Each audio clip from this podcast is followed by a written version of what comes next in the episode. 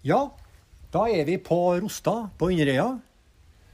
Og dette her er en gammel bondegård som eh, var i Rostaslekta helt fra 1600-tallet og helt fram til slutten av 1800-tallet.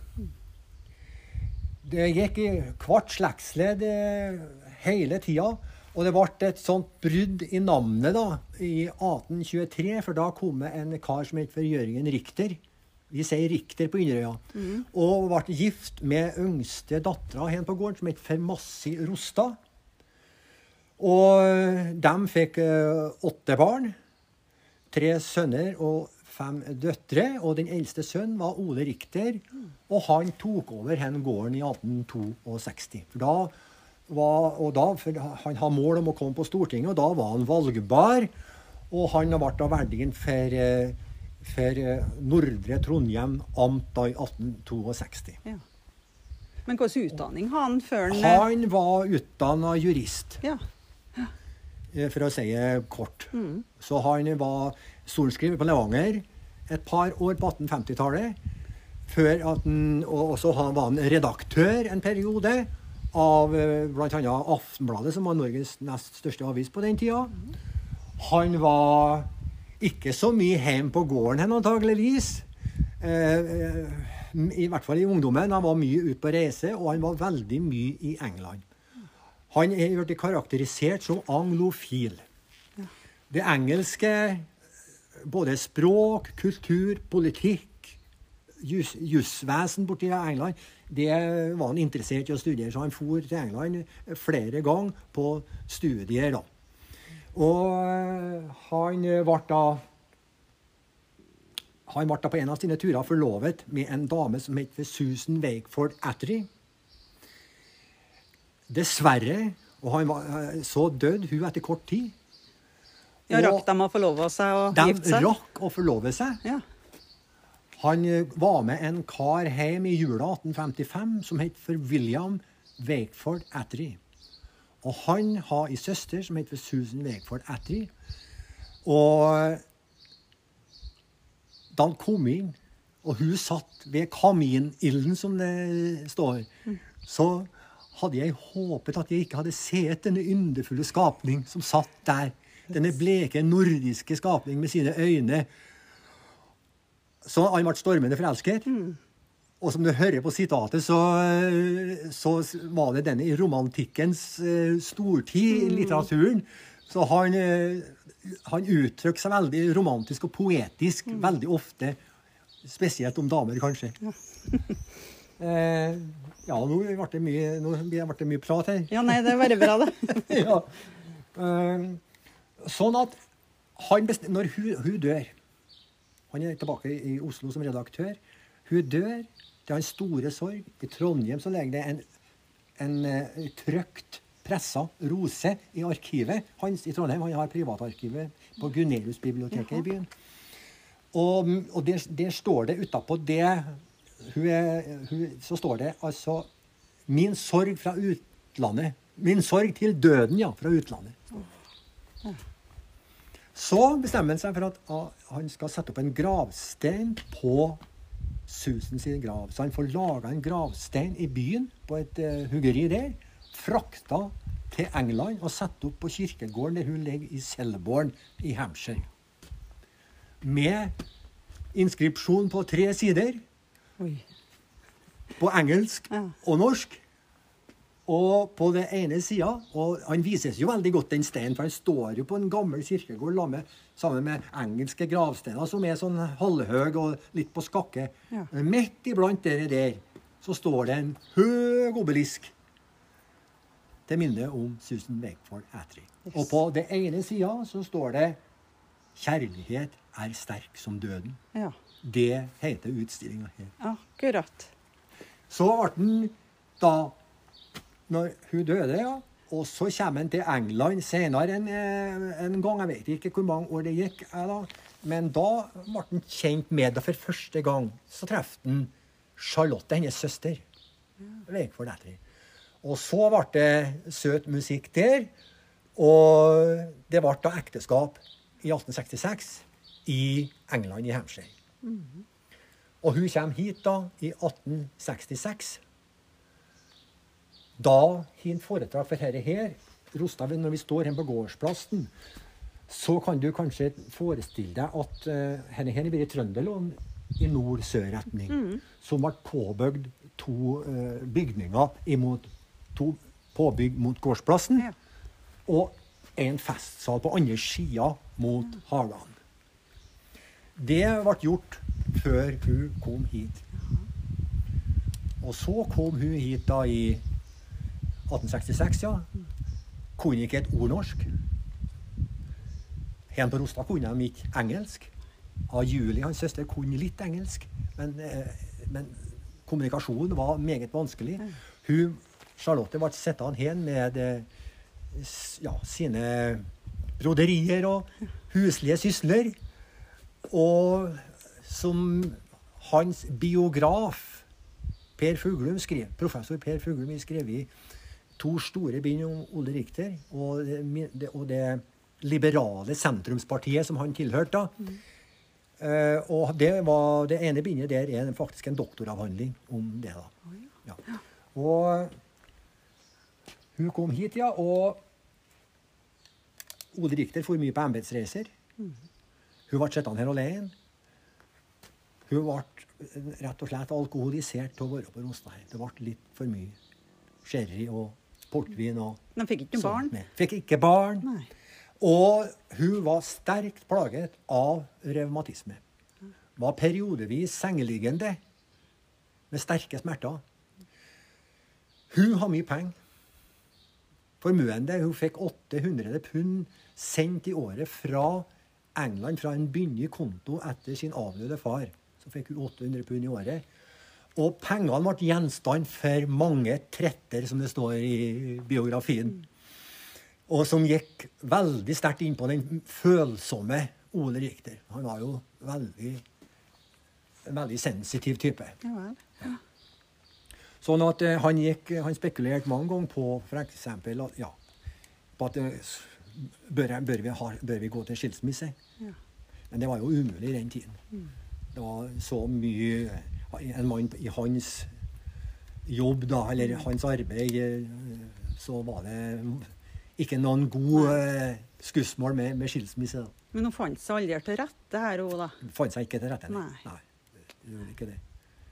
Eh, det jeg har likt hun er, hun er veldig positivt omtalt når det var fest her. Og, og, og de, de har gjester på besøk, og det var, det var både dans og polynese. Og fruen med sin kavaler gikk først, da ofte, Ja. står det. Ja. Så eh, det er veldig godt beskrevet i Ole Løken fra hun vokste opp på Synnes eh, sine, sine artikler i, som sto i Urd på 1920-tallet en gang. Jaha. Der står det om livet på Rostad i, i den tida.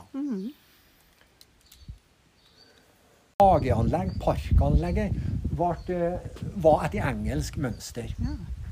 Det var, eh, ja, det var busker og blomster og tre, varmekjære tre. Det var en, hage, altså en, en frukthage. Det var en, en karpedam på nedom uh, vinkjelleren der. Det er det som du ser bortpå Å ja, det er en er en vinkjeller, ja. Og det var en karpedam nedom der med springvann der. Og så var det da en, en åttekanta fontene på gårdsplassen. Jaha. Når ble den fjerna, da? Den, den fontenen vet jeg ikke når den ble fjerna, men det er, han sto lenge, ja. Den, ja. ja han sto ganske lenge. Så det her er, som vi har bygd nå, det er jo helt nytt. Det er jo ferdig etter bare 20, 20 år. Å, ja. Mm. det det. Men det var fint det her òg. ja da. Ja. Ja. det er, så vi ser jo egentlig bare rester etter som det var her, da. Ja, ja. Mm. Og likens i nå, så var det etter ja, det var, Du møter jo en peis med samme du kommer inn i inngangen her nå. Og, og du kan, vi kan jo bare begynne å gå inn. Mm. Ja. Trappa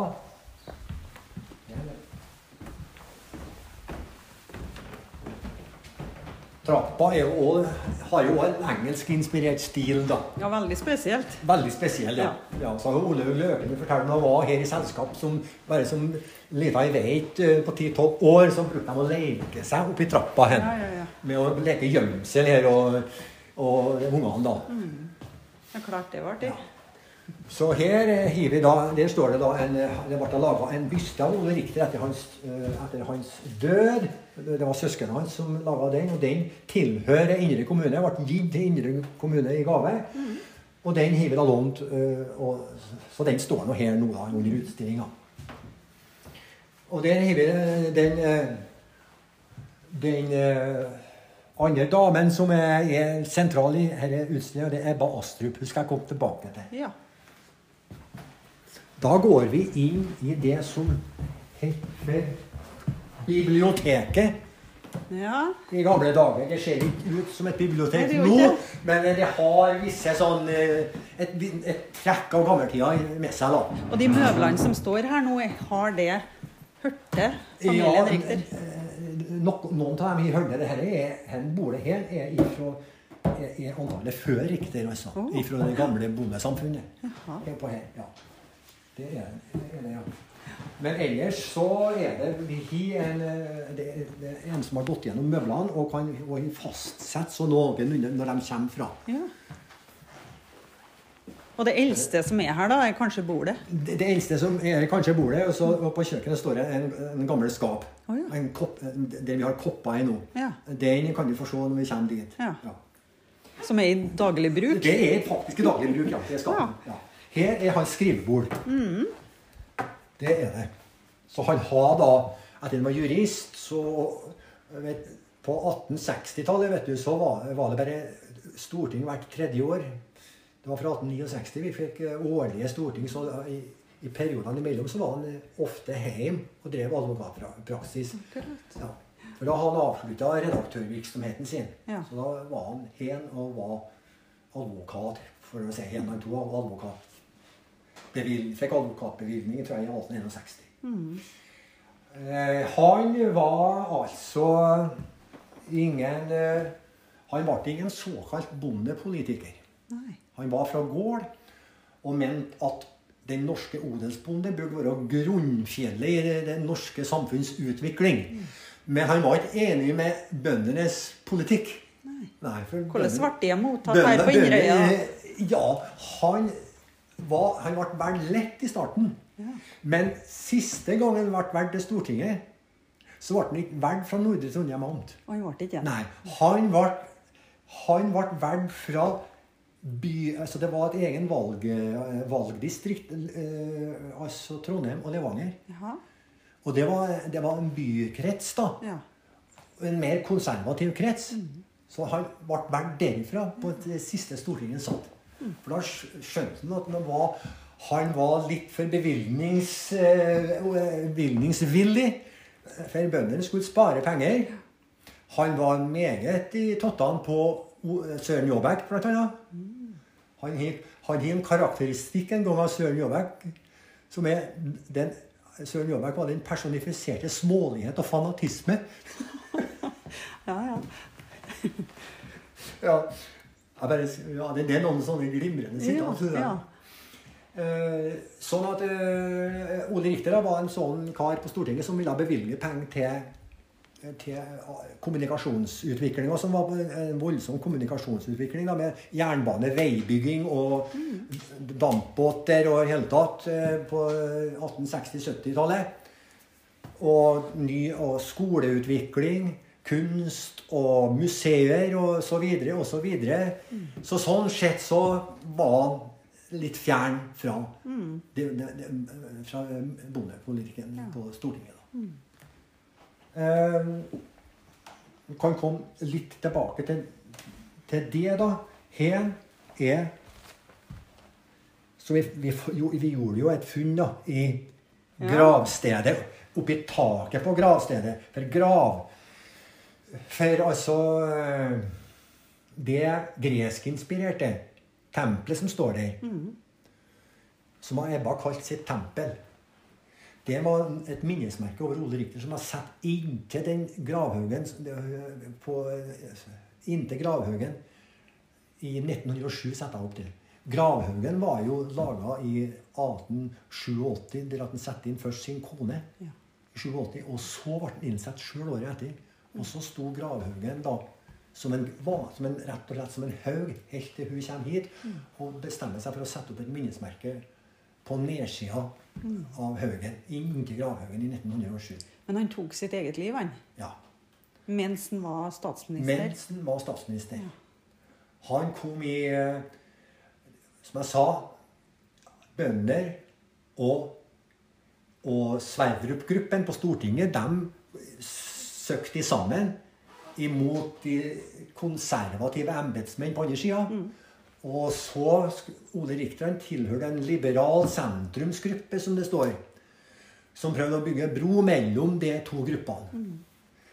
Og, men eh, han ble som det står, desillusjonert av den politiske utviklingen og søkte stillingen som norsk generalkonsul i London i 1878. Og var i London helt til 1884. Eh, Og da ble han kalt tilbake for å For da var Venstre nettopp starta. Og Venstre var et så vidt parti mellom skal jeg si, det vestlandske, litt kristelige eh, Litt konservativt orientert Venstre, i motsetning til det byorienterte. Venstre med fritenkere og så, sånne no, En annen bohem, kanskje. Ja, ja. Og da eh, ble det altså riksrett ja, imot eh, Selmer. da. Og i den forbindelse så I forhandlingene Han ble kalt tilbake da, det, han ble kalt tilbake til Kristiania når de har begynt å forhandle om en ny regjering. Og da ble, etter mye om og men, så ble Ole Richter eh, han ble statsminister i Stockholm. Og Johan Sverdrup ble statsminister i i Kristiania. For på den tida, i unionstida med Sverige, så har vi to statsministre. En i Sverige, Stockholm, og en i Norge. Den i Norge var den, liksom, den primære.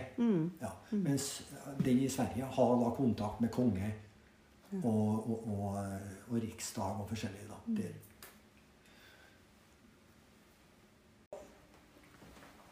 Ja, Vi kan ta litt eh, blant annet her er et bilde da, Ja. viser at han var litt har en annen orientering enn et studentbilde enn en, en bøndene på tinget. Her er det studiekamerater. Han karen som står der, han heter for Christian Lasson. Han ble regjeringsadvokat. Og han er far til Lasson-døtrene, som var, var kjent i den tida. Oda Krog, f.eks. Oh, ja. Det, er- det er døtra til han. Så det her var tatt i Kristiania, da? Den er tatt i Kristiania. Ja. Og, og annet Bukken Lasson, som var yngste datter av han Christian Lasson, eh, hun er jo kjent fra norsk revy. Hun grunnla Chat Noir, annet. Og, og Ole Richter var altså gudfar til Bukken. Og hun husker faktisk til og med jeg på. For hun ble, hun ble 100 år nesten. Ja. Ja. Han var god venn da med Bjørnstjerne Bjørnson. Jaha. Hele sitt liv. Det er, det er et eget hefte med brev, med brevkorrespondanse mellom eh, de toene. Men du, han Bjørnstjerne var jo en del i Trøndelag. Var han på besøk her? Nei, han var ikke Nei. Nei, han, var ikke, han, han tenkte seg hit. Oh, ja. Han, var på en, han har et foredrag på Stiklestad på 1880-tallet en gang. Det- og, og kom ikke hit fordi at uh, Ole Rikter var ikke hjemme. Da var han Ole Rikter i, i London. Oh, ja. Det, ja. Jeg tror faktisk det. Finnes det en del korrespondanse mellom dem, da? Ja. Ja. Det finnes mye korrespondanse. Oh, ja. Oi, ja, ja. Er det digitalisert, så at folk Nei, kan det vet, Nei. Jeg, det vet jeg ikke, altså. Nei. Om det er noe er digitalisert. Men jeg, jeg har i hvert fall et, et hefte med korrespondansen mellom Bjørnstein Bjørnson og Fra det første tida, i hvert fall. De, de korresponderte seg imellom. Hva de snakker om da? Er det mye politikk, Nei, eller er det Det går på Ja, det går litt på politikk, ja. Ja. Og det går på private ting òg, da. Oh, ja.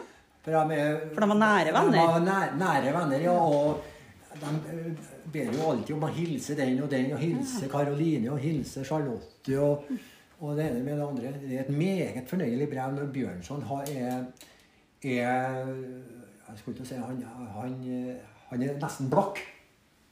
Så Bjørnson, nei, så riktig sender penger peng, til ham i et brev. Og som Uten at han har bedt om det? ja, uten at jeg bedt om det. Ja. Ja, jeg husker ikke på endeliktet, men i hvert fall så listet Bjørn seg, Bjørnson seg inn til Karoline og la den den pengeseddelen i hennes eh, tøffel eller noe sånt. Et eller annet i den retningen. For det var jo bare én mann som kunne finne på dette, og det var jo Ole Riktig. Her er, her er Bjørnson sin sang som er dikta til Jørgen og Massi Richter sin gullbryllup i 1873. Ja, så her har vi noe originalt Bjørnson eh, som kanskje ingen andre har. Jeg vet ikke om at den sangen står i noe Bjørnson samlede verker. eller Nei. sånt. Nei, men I hvert fall så er det han. Det er det. Ja, spesielt, ja. Og her er han statsminister. Uniform. De har uniform, statsministrene den gangen. ja. Så Da fin. Trine Skei Grande var innom henne for, for noen dager siden og tok Jaha. bilde av og sendte til Erna. Og spurte om ikke hun ville ha en sånn en. Jeg er usikker på hva svar Hun kom med et, kom med et kontant svar, altså. Ja. Nei, det var virkelig flott. Ja. Ja. Han kom til, til, til Stockholm som statsminister. Og når han kom dit, så begynte Charlotte å bli dårligere og dårligere. Og hun ble, ble sengeling- sengelingen. Hun, hun, hun ble båret inn i ministerhotellet. Det het for ministerhotellet, der de den norske regjeringsdelegasjonen holdt til. Hun ble båret inn, altså var så syk. Så blir hun det dårligere og dårligere, og så eh, skjønner han det går mot slutten, og da prøver han å komme fram til Da er det jo for han om å gjøre å prate seg fram til forsoning. På grunn av det stormfulle ekteskap som vi gjør i. Og samtidig som han blir hjelpepleier. Var hun gammel, hun, da? Da var hun født i 1830, så hun var altså 55 år. Ja. Eh, og så eh, Og når hun dør, da, i februar 1885, så bryter han sammen. Får nervesammenbrudd. Og ikke i stand til å fungere som, som, som statsminister på flere uker. Kontakten med Sverdrup er helt borte i flere uker. Kanskje har ikke Sverdrup noe imot det heller, for de var ikke på, ikke på nei, Overhodet ikke på godfot. Nei. Nei. De var to helt forskjellige personligheter. Eh, Sverdrup, eh, en robust realpolitiker, holdt personlig distanse til folk. Og han, han har store problemer med å fun- Han var jo den store folkefører som har ført oss fram til parlamentarismen og det ene med det andre. Eh, Og ble sett opp til veldig av, av, av andre stortingsrepresentanter, selvsagt. Men når han blir statsminister, så klarer han ikke den overgangen til å slippe opp at, at nå må forsvarsministeren da få bestemme litt om Ja, ja. Forsvaret, og så må kommunikasjonsministeren bestemme om kommunikasjoner, osv. osv. Det klarte han ikke. Så det ble konflikt i regjeringa. Og, og fire statsråder av ti, da, de er ti i regjeringa, fire statsråder går av i protest mot Johan Sverdrup i februar 1888. Når at kona dør, så bryter han sammen. Og Ebba hun er datter til Hans Rasmus Astrup, en av Norges rikeste menn.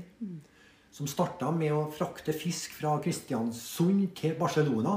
Starta sin egen bedrift i Barcelona på 1850-tallet. Og Ebba er født i Barcelona i 1863. Året etter så flytter han forretningsvirksomheten sin til, til, til Sverige.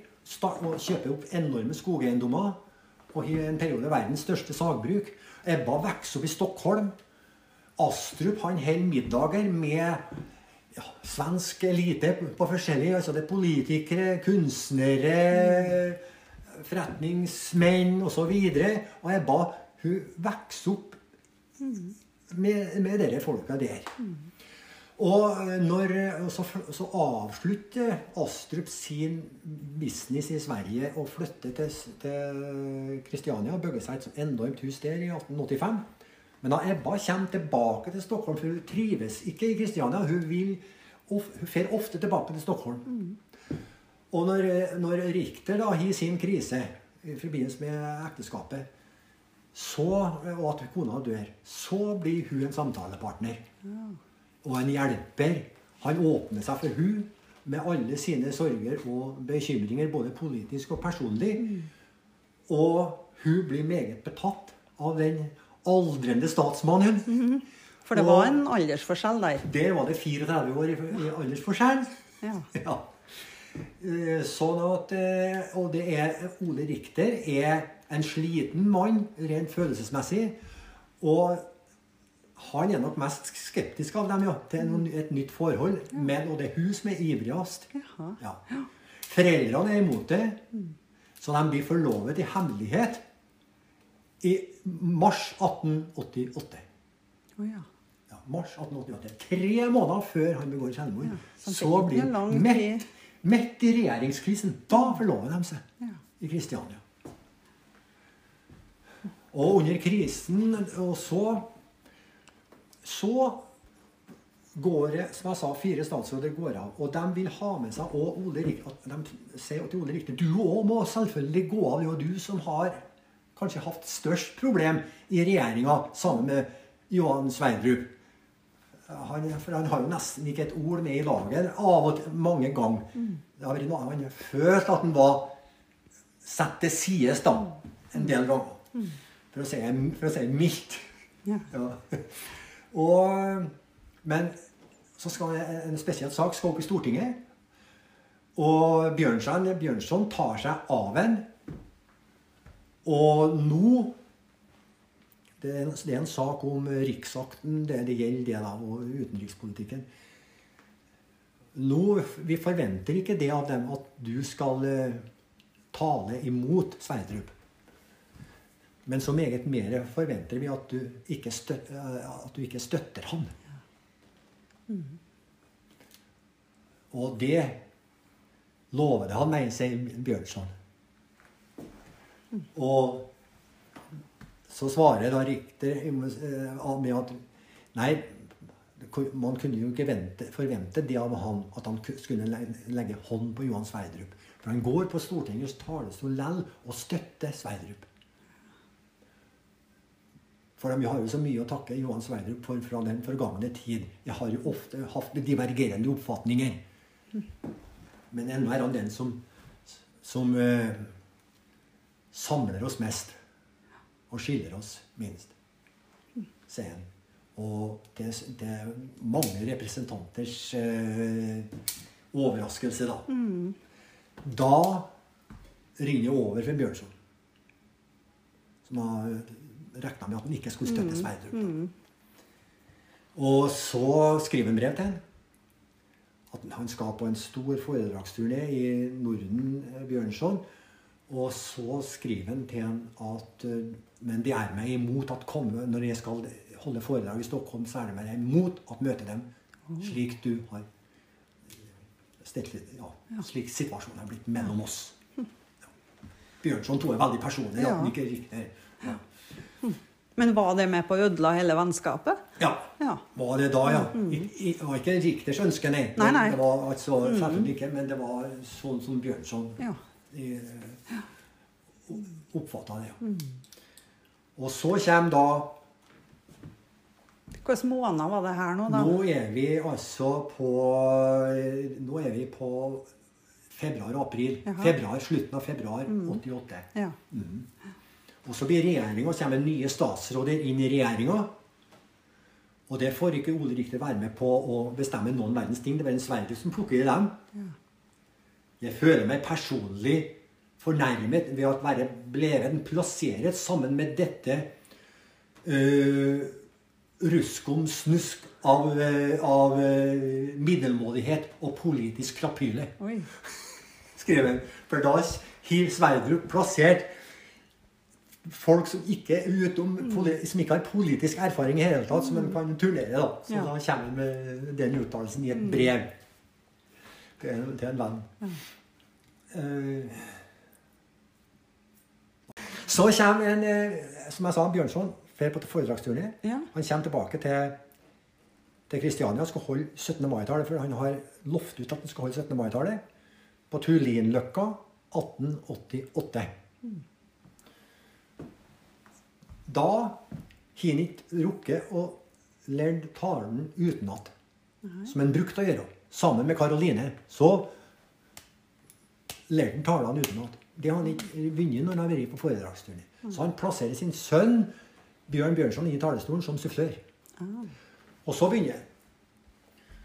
Og så går det i ball med suffløren. Og så bare roper han, som det står i skriften, 'Ti stille med deg'. Og så blir han holder nå kjeft, da, selvfølgelig, og så fortsetter han Bjørnson. Ja. Nei, ja, å, og snakke. Og så vet han sånn cirka hva han skal snakke om. Uh, det vet han temaet, for han skal ta oppgjør med Sverdrup. Men han, må, han ordlegger seg for veldig krast. da. At Sverdrup er en ordbryter. Han har svikta de parlamentariske prinsipper. Han har kommet med uriktige uttalelser om, det- om forskjellige ting. Så han bruker sterke ord og uttrykk.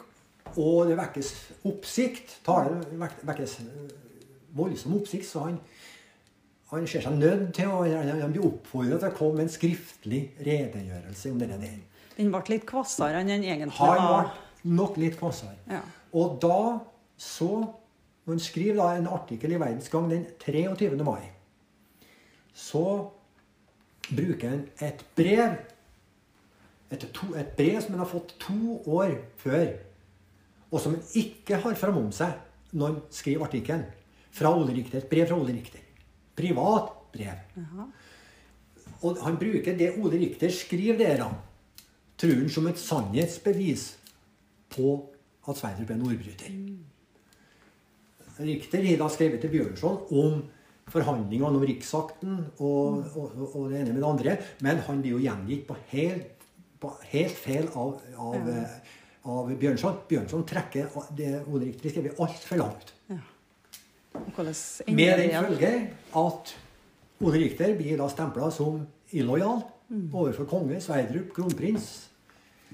Og han sitter i sin fødsel, i et fødsel, sitt fødselsdagsselskap i ministerhotellet.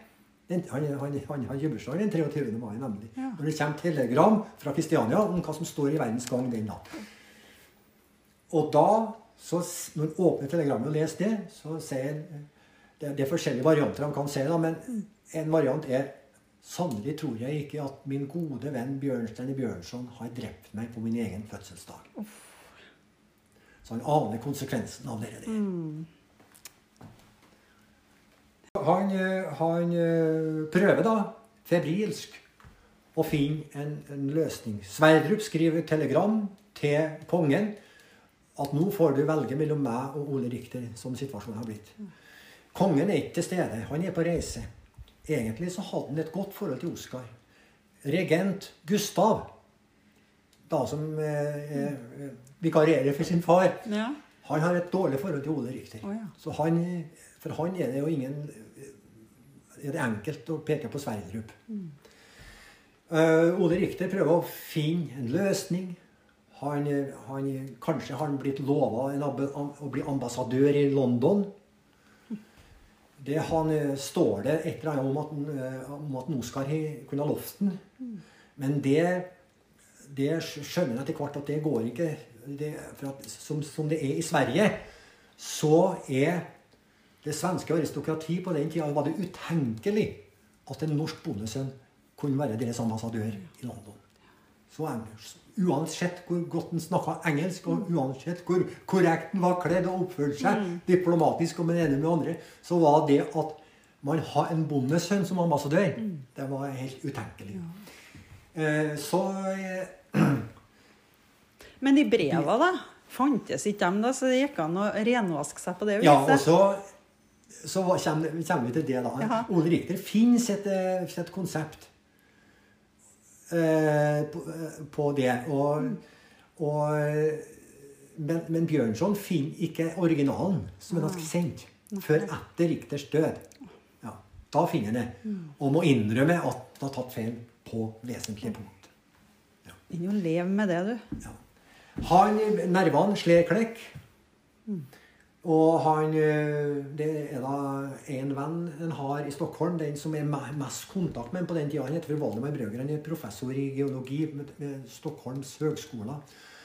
Men, eh, og han prøver å få til forsoning mellom, eh, mellom Bjørnson og, og Richter. Men han mislykkes. Bjørnson vil ikke være med på, på det sånn som Richter har liksom Støtta Sverdrup. Så han Nervene klekker. Han, blir, han prøver først å, å henge seg den, den 29. 8. eller 29. mai. Han, men han blir funnet av en tjener som redder ham.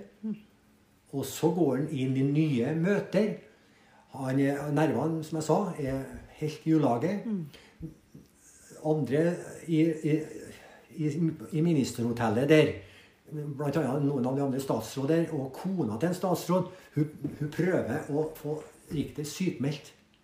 De de kommer med attester fra to leger, to leger i, i Stockholm på at Richter trenger ro og hvile, og at, eh, at, han er, er helt i ubalanse. Men Gustav, han nekter på det. Han arrangerer et statsråd den 6. juni hvor Richter får avskjed. Og da må vi kunne si at han fikk avskjed ikke i nåde, men i unåde.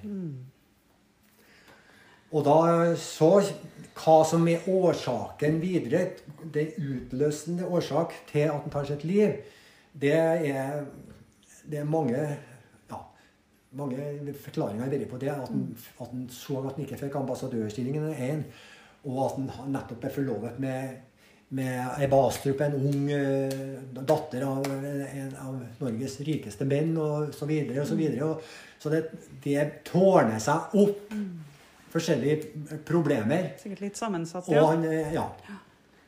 Og han, eh, han er i ferd med, som de ser etterpå, så er han i ferd med å pakke for å reise til Rostad. Da, det, det Fuglum, hans biograf, skriver det at han har lest om morgenen den 15. juni så har han lest en meget krass artikkel om seg sjøl i en Stockholmsavis. Som heter for Nya dagligt alle, allehenda, eller noe sånt. heter det. Eh, Sånn at han tar sitt liv da, om, på formiddagen eller i morgenen den 15. juni. Da er det at at Julie, som riktig som er søstera hans, hun bor sammen med ham i Stockholm. Hun blir urolig og går opp når hun ikke kommer ned til frokost etter en viss tid, og finner ham der. Og da har han skutt seg. Da har han skutt seg. Og så blir det mye styr med å pakke med, med, med Da får Brøger for godt, og dere å møte opp med en gang og prøve å samle til stoff. da. Eh, alt, alt, alle dok, samle sammen dokumentene hans. Eh, konge, representant fra kongen kommer omsider og vil ha alle kongens alle forbindelser mellom kongen og, og er riktig, men det, blir det, det får de ikke. Nei. Så jeg, jeg, tror, om det, jeg er ikke helt sikker på om det er Julie som, som nekter på det. Det fins ennå, det, altså? Ja, det jeg. Det, det er det nok. Ja, det, ja, det, det er det. ja. Men altså, i den situasjonen der så kom det en kar og ville ha en, en ha Richters eh, korrespondanse med kongen. Ja. Så er det Så, så dør han, ja. Og så kommer han eh, hit, da. Kista kommer hit. Det er Valdemar Brøgger som følger kista hit. Og det begraves her den 27. juli 1888. Da har Charlotte ligget to år i Stockholm, balsamert. Hun skulle ikke komme bort på en hvilken som helst utenlands kirkegård. Han som hadde dratt henne hjemmefra til dette isødet bare for å dø. Ja. Og så sprenger han ut en, en bergknøs i Haganheim, og der, lager det, og der blir det da mura opp en, et gravkammer av, av stein. Og hun blir satt inn der sommeren 87, 1887. Og så blir det hatt over jord, og så blir det satt en obelisk på toppen.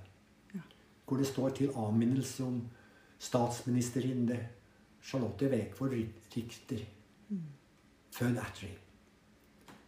På baksida 'Her husband raised this monument in sorrow and affection'. Og så kommer han hit i kiste året etter og blir satt inn. Under en stor uh, stor begravelse.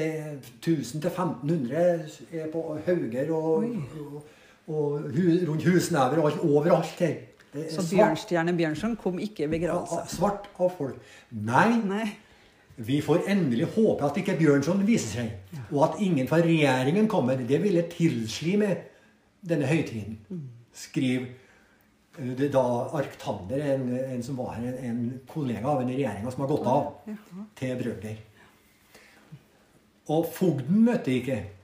Sorenskriven møtte ikke. Amtmannen hadde, sagt at han var forhindret av uoppsettelige embetsforretninger. Lensmannen møtte ikke. Det nåværende ministerium var ikke representert. Heller ikke kongen. Og ikke Stortinget. Det var dog en krans fra Stortinget, men det jeg sa nå, det var et referat Ja, ja. i avisen Mm. etterpå. Ja. Fordi at det var en selvmorder som var død, Mm. og ingen offentlig tjenestemann skulle være til stede. Men Albert Lange, sogneprest på Inderøya, han han fikk, eh, fikk vel en advarsel en, en forbindelse, Han var vel i forbindelse med biskopen, muligens. Det vet jeg ikke. Men altså, biskopen eh, likte overhodet ikke at sognepresten på Inderøy skulle holde tale her. Når det var en sånn tildragelse som et selvmord. Men Albert Lange han trosser det og holder en tale og bruker et skriftsted der den første martyr i Bibelen, Stefanus, blir steina etter ordre fra Det høye råd. Det bruker han i eh, talen til forsamlingen.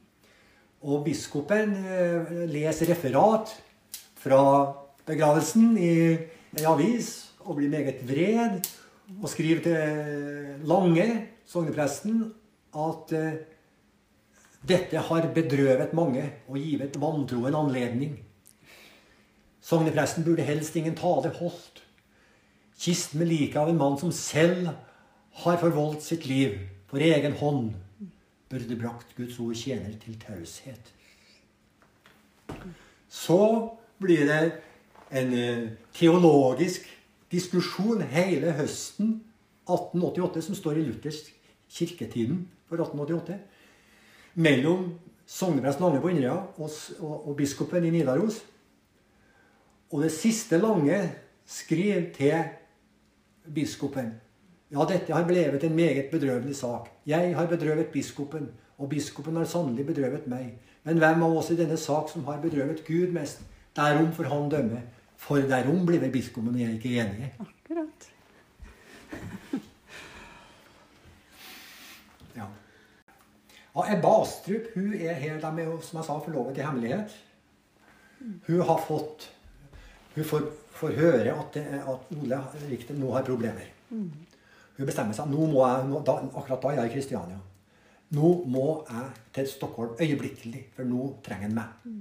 Hun pakker og drar ned til jernbanestasjonen i Oslo. Men fra går så sier mora til ham Ebba, dette passer seg ikke at du drar dit nå. De var jo forlovet i hemmelighet, så det var ingen som visste det. Men Ebba trosser mora og går ned til jernbanestasjonen. Skal du gå på toget? Da hører han indre stemme som sier Du skal hedre din moder og din fader. Og så snur hun og går hjem igjen. Så ja, vi vet ikke hva som har skjedd hvis at hun har kommet til Stockholm da. Det kan hende gått bra, da. Men hun kommer hit da for første gang sammen med sin far og sammen med regjeringsmedlemmer som har gått av. Eh, og tidligere stortingsmenn òg var her.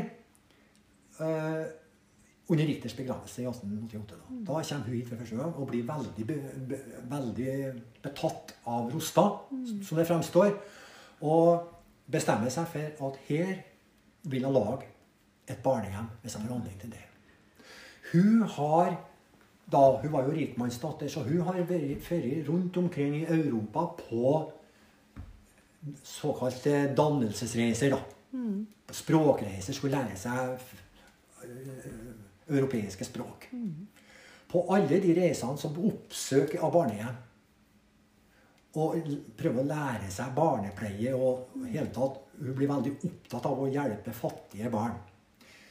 Så det blir da det, den store tanken og ideen når jeg kommer hit og lager et barnehjem her hvis jeg får anledning til det.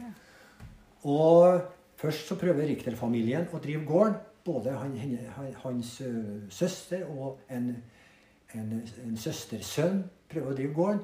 Men de gir av forskjellige grunner opp. Og så får vi en forening som heter til, Norsk forening til motarbeidelse av omstreifervesenet, som vi stifta på slutten av 1890-tallet. Og Ebba melder seg der med en tanke om å kjøpe Rosta til, barn, til barnehjem. For de skal ha forskjellige barnehjem. Så, her, så Rosta blir det, det nordfjelske barnehjem i den foreninga. Ja. Hvilket årstall kjøpte hun Det var altså overdragelsen skjedde i 1899. ja. Ja. Mellom eh, Han, han het Rikter Salvesen, han eh, søstersønnen til Ole Rikter, som solgte da til den foreninga. Og sannsynligvis så er det hennes penger, storparten av det som blir brukt ved kjøpet. ja. Og så kommer hun hit, da, og begynner å styret på skal gjøre om en, en, en bonde, bondegården til barnehjem. Eller huset hele. Så her skal det bygges saler. og De lå på saler den gangen. da. Ja, ja. Og vi skal kjøpe inn senger, vi skal kjøpe inn kjøkkenutstyr. De, det blir til sammen mellom 25 og 35 unger her. Og de starter med, med et uh, tyvstarte, for hun skriver til en venninne på nyåret 1900 at jul, altså, julaften, altså 1899 Kan du tro det var rart? her, Da et følge på åtte sjeler dukket opp om kvelden i halv åtte-tiden. Eh, de ble nå liggende over, da. Eh, for de ba og tagg dagen etterpå når de skulle dra, om vi ikke kunne ta de to minste barna. Et barn på ett år og et barn på tre år. Det var Anna og Milla som var de første ungene her Ja. på Rostad. Før at det var godkjent, så hun måtte jo da få godkjennelse av sentralledelsen i Oslo om det der. da. Men de som kom innom her, de måtte nå ha fått De har hørt, Ja. hørt rykter om det, selvfølgelig. Mm, mm. de har gjort det. Ja. Hvor lenge hadde hun barnehjem her, da? Altså, jeg ba, hun var på Rostad helt til 1918. Da ble hun gift med gårdsbestyreren på Rostad, som het Fesofus Eggen. Ja. Og han skulle overta en gård som het Forfæby på Verdal. Sånn, ja. Og de ble da gift og flytta dit. Fikk hun noen barn? Nei, hun fikk ikke barn. Eh, Men var det andre som tok over barnehjemmet her da fortsatte nei, og drifta? så, og så kom en ny bestyrer inn her. Ja. Eh, det var Noen år var det en annen dame som slutta etter kort tid. Og så kom det en dame som het Magnhild By. Og fortsatte i Ebba Astrup sin ånd. Ja, akkurat. Og vi kan godt si at det var en, en litt spesiell både spesiell kristendom her. Det var litt, litt Grundtvig. Vi kan jo bare bevege oss stille inn i dette rommet her, da. Ja. Hvilket rom er det her, da? Dette kaller vi for Ebba-rommet, eller Mor Rosta-rommet. Ja. Ja. Og hun, hun var altså veldig Grundtvig-inspirert. Og Grundtvig sin, eh, han har en setning det- som heter for 'menneske først, kristen så'. Altså eh, det, det var ikke sånn en pietistisk orientert, forkynnende kristendom her på Rosna. For en 10-15 år siden så fant jeg to esker på kvesten her. Eller fant og fant, jeg visste de var der, men jeg visste ikke hva som var til dem. Så når jeg begynte å, å, å, å se på det der, så viste det seg at det var regninger og bilag på varer og tjenester i hele Bastrup sin periode. Ja. Alt de kjøpte, alle, alle kvitteringer på alt mulig. Og, og alt de solgte, og tjenester og lønnsutbetalinger og alt mulig.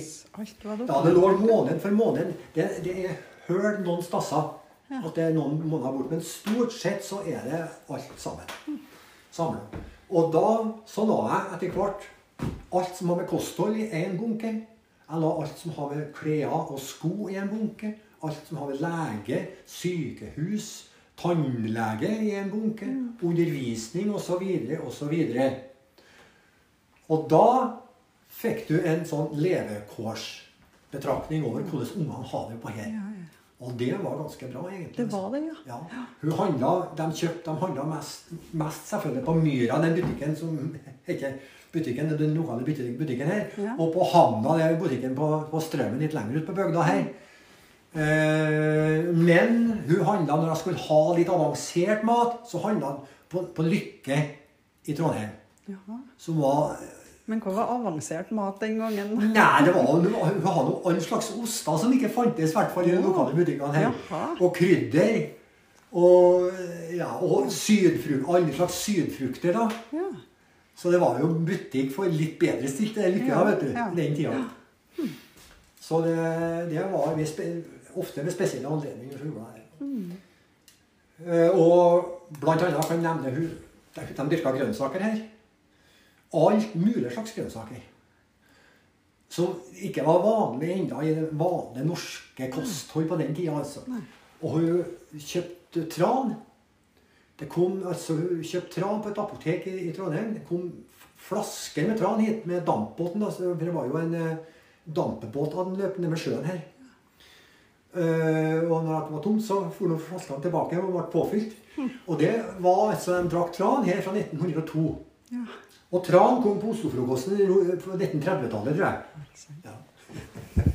og, i, og i 1908 så søker jeg etter en lærerinne som kan ha undervisning med, de, med skolebørnene.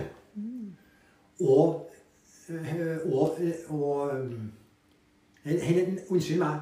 I 1908 så søker jeg etter en lærerinne som kan eh, ha lekselesing med, de, med skolebørnene. Og undervisning med de som ikke har begynt på skolen. Så det var første gangen jeg har sett lekselesing nevnt. Flere av ungene gikk på folkehøyskole. da. Eidsvoll folkehøyskole var flere som gikk. Når de ble så gamle, da. Men det var i, det var i slutten på hennes periode. da. Ja. Men bodde de lenge her, da? De De bodde- det, var- det var litt forskjellig. Eh, så de bodde her. De var konfirmert, altså. de gjorde det, ja. Ja, Mm. gjorde det. Og hun har kontakt med mange da etterpå. ja. Blant annet det huset du ser der. Det er, det er Astrup. Det huset der er det er Astrup bygde i Kristiania. Jaha. Det er sånn eh, litt over husbanknivå. Hvor det står han i Oslo? Ja, det står det enda det. Hvor han i Det står i Drammensveien 78. Oh, ja. Og i dag er jeg Det norske vitenskapsakademi. Ah. For Villa, Valdemar Brøgger han var, fram, han var jo liksom den store mann i norsk eh, vitenskap og akademia på slutten av 1800-tallet. Han uh, fikk tak, tok kontakt med dem når faren deres var død. Om, og det huset der var jo altfor stort for familien som, som var igjen. Om de ville gi det til den norske vitenskap, vitenskapsakademi. Så jeg ba hun sitter på her i 1909-10 og skrive overdragelser til Det norske vitenskapsakademi. Og her er takkeskrivet fra dem, da. Ja. Så her er er faren hennes. Her er Valdemar Brøgger. Og her er en Adolf Hedin, en svensk riksdagsmann som var veldig norskvennlig. norskvennlig. Ei time det her trekløveret her, for de, betyr veldig mye for både Richter og Ebba. ja. Eh, Valdemar Brøger han var jo i kontakt, han var den en har mest kontakt med eh, på slutten, en Richter. Mm. Og så hun skriver til, som jeg sa, Adolf Hedin, norgesvenn til 1000. Så Ebba hun skriver til Brøgger eh, ut på 1900-tallet en gang om hva skal jeg gjøre med brevene mellom far For da har han flytta fra Stockholm til Kristiania. Skal jeg gjøre med brevene mellom far og Hedin? Eh, og da sier det dem må du ta, ta vare på. Ebba hun brukte å brenne brev, nemlig. Ja, brenne brev. de må du ta vare på. Så er det et sitat som står at For kanskje hadde et svensk angrep på Norge ikke vært til å unngå hvis ikke et brev fra Hedin til din far, altså Hans Rasmus Astrup, hadde fått eh, Venstres stortingsgruppe til å komme til fornuften. For da var det, det var en, en situasjon der at det var på vippen til, til svensk angrep. Visstnok, som det står. Jeg vet ikke noe mer enn det som, som jeg har lest om det da, i, i noen eh, historiske kilder. Nei, men jeg har tydeligvis satt deg inn i det. Ja, som jeg sa, I 1907 så satte Eva Astrup opp et minnesmerke over Ole Richter. Eh, og oppi taket der så plasserte hun forskjellige dokumenter. En kjole.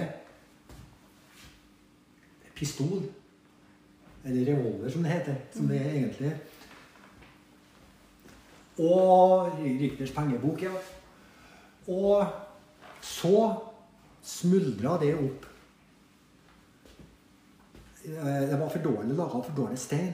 Så det ble etter hvert så skada at det måtte plukkes ned og sendes til domkirka for reparasjon. Når de plukka ned hele dette, monumentet, da, så fant de det har jeg bare satt da selvfølgelig opp i, opp i taket. Visste de, eller visste de det der? vet du, det er ingen som visste Og det var ikke det, nei. Ingen som visste. Kanskje en mann som var Ebba Astrup sin fortrolige venn Ja. hele livet. Han het for Oddvar Grønli. Ja, det kan hende en Oddvar visste. det. Men det var ikke noe som var nedskrevet? Nei, ikke, eh, ikke nedskrevet som jeg vet noen sted. Nei. Men da fant de det, og så ble det da levert inn. Rektoren for til Trondheim og leverte inn på et eller annet eh, museum, arkiv eh, i Trondheim.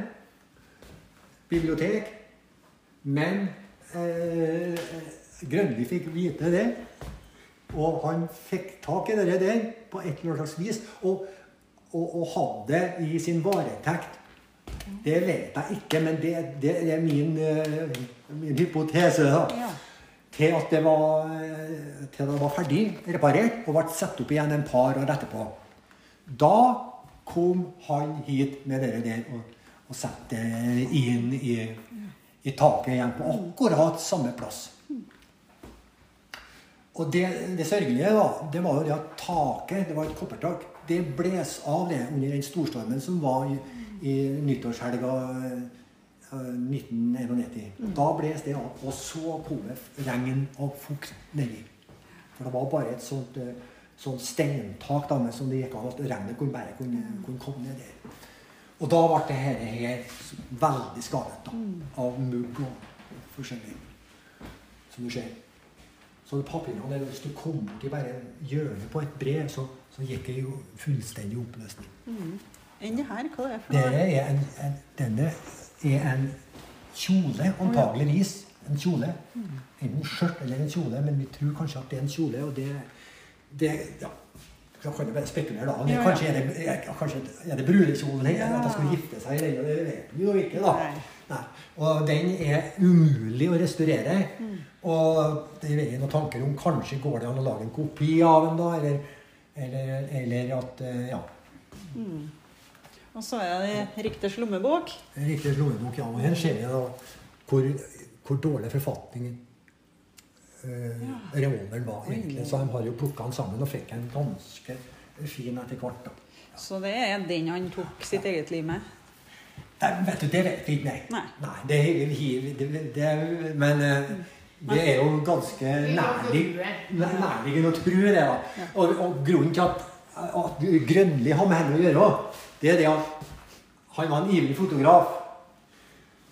Og her er det Kodak. For fant vi i det, ikke sant? Og, da, da, Ja. det, det, og det stemmer med 1970-tallet. ja. Her på andre sida her så er det noen noe fragmenter som en fotograf på, på Sverresborg har, eh, har laga. Av fragmenter av brev da, som er satt sammen til en sånn eh, utstillingsvennlig sak. Det er jo mest uleselig på de Ja, det, små bitene. det, det er klart, Hvis du har vært veldig ivrig nok, så du kunne kanskje ha gått inn i dette her på noe vis og tatt bild og fotografert det. og så da prøvd å sette sammen med nærmest med pinsett, kanskje. Så hadde du kanskje, kanskje funnet et eller annet. Det står Stockholm igjen, da. Ja. Ebba og Sofus de blir enige om at de skal begraves sammen med sin ungdoms kjærlighet. For en Sofus han ble gift med Ellen Sakse. Hun, som- hun var meieribestyrer her. Jaha. Ja. De har eget meieri i kjelleren her. Jaha. Og hun, han ble da rundt 1905 eller noe sånt gift med hun og flytta til, til gården Fæby da, da, for han skulle ta, begynne å ta over den. da. Ja. Og, men så dør hun Ja. etter kort tid av tuberkulose. Så hun er gravlagt da på, på Stiklestad kirkegård. Ja. Og, og Ebba hun skriver brev til familien Richter om ikke hennes aske kan bli satt ned i gravhaugen. Bare med en liten sten i jordsmonnet som ikke er synlig om sommeren engang. Rostad er mitt livs brennpunkt. Det er der jeg er hjemme. Mm. Og det fikk hun. Og det fikk hun. Ja. Og det for at de skulle Ja, sa jeg det at de skulle begraves sammen med sin ungdoms kjærlighet? Jeg sa det. Mm. Ja. Ja, det sa jeg. Ja, og det fikk hun, ja. Og hun ligger der. Og, og det som er litt spesielt med det, det er det at hun har da Sannsynligvis var det hun som har ordna med at revolveren lå der den lå, ikke sant? Og hun har i tillegg kula, fant dem. Ved, ved, ved, av, av, som har tatt livet av Ja. Richter. Da. De fant den, og den kula den ble med ned i urnen. Er det noe stein på hennes eh, Ja, det er en liten, vi kan gå dit. Ja.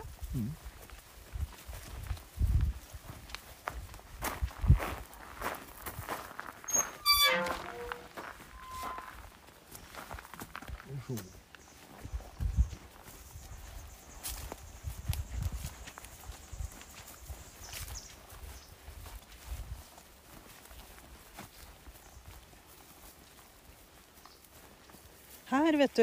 Her er minneplata over Ebba Astrup. Ja. Eggen Mor Osta. 1863-1944.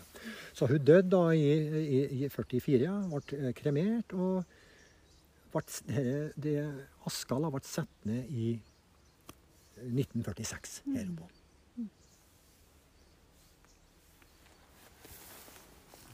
Og Her har vi da et nytt tak på Der er det et nytt Ja, tak på, et tak.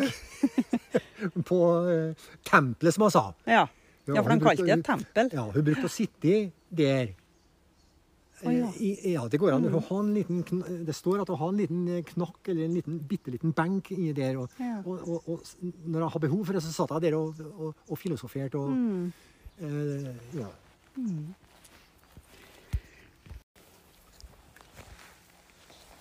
Ja, det denne utstillinga, eller fortellinga, hun er jo åpen i Nå har vært i tre år, og antageligvis fremover åra òg, Ja. i juli måned. Ja.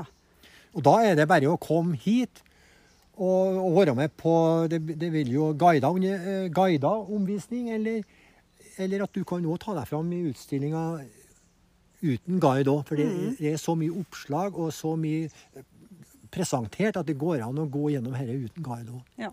Men du får jo med deg utrolig mye når han har med deg som guide. Men Men, eh, hvis ja. du skal prøve å beskrive hvor eh, Rostad gård ligger på Inderøya, så folk finner fram litt ja, da må du kjøre, passere strømmen rett fram på 7.55 til du ser det står Rosta.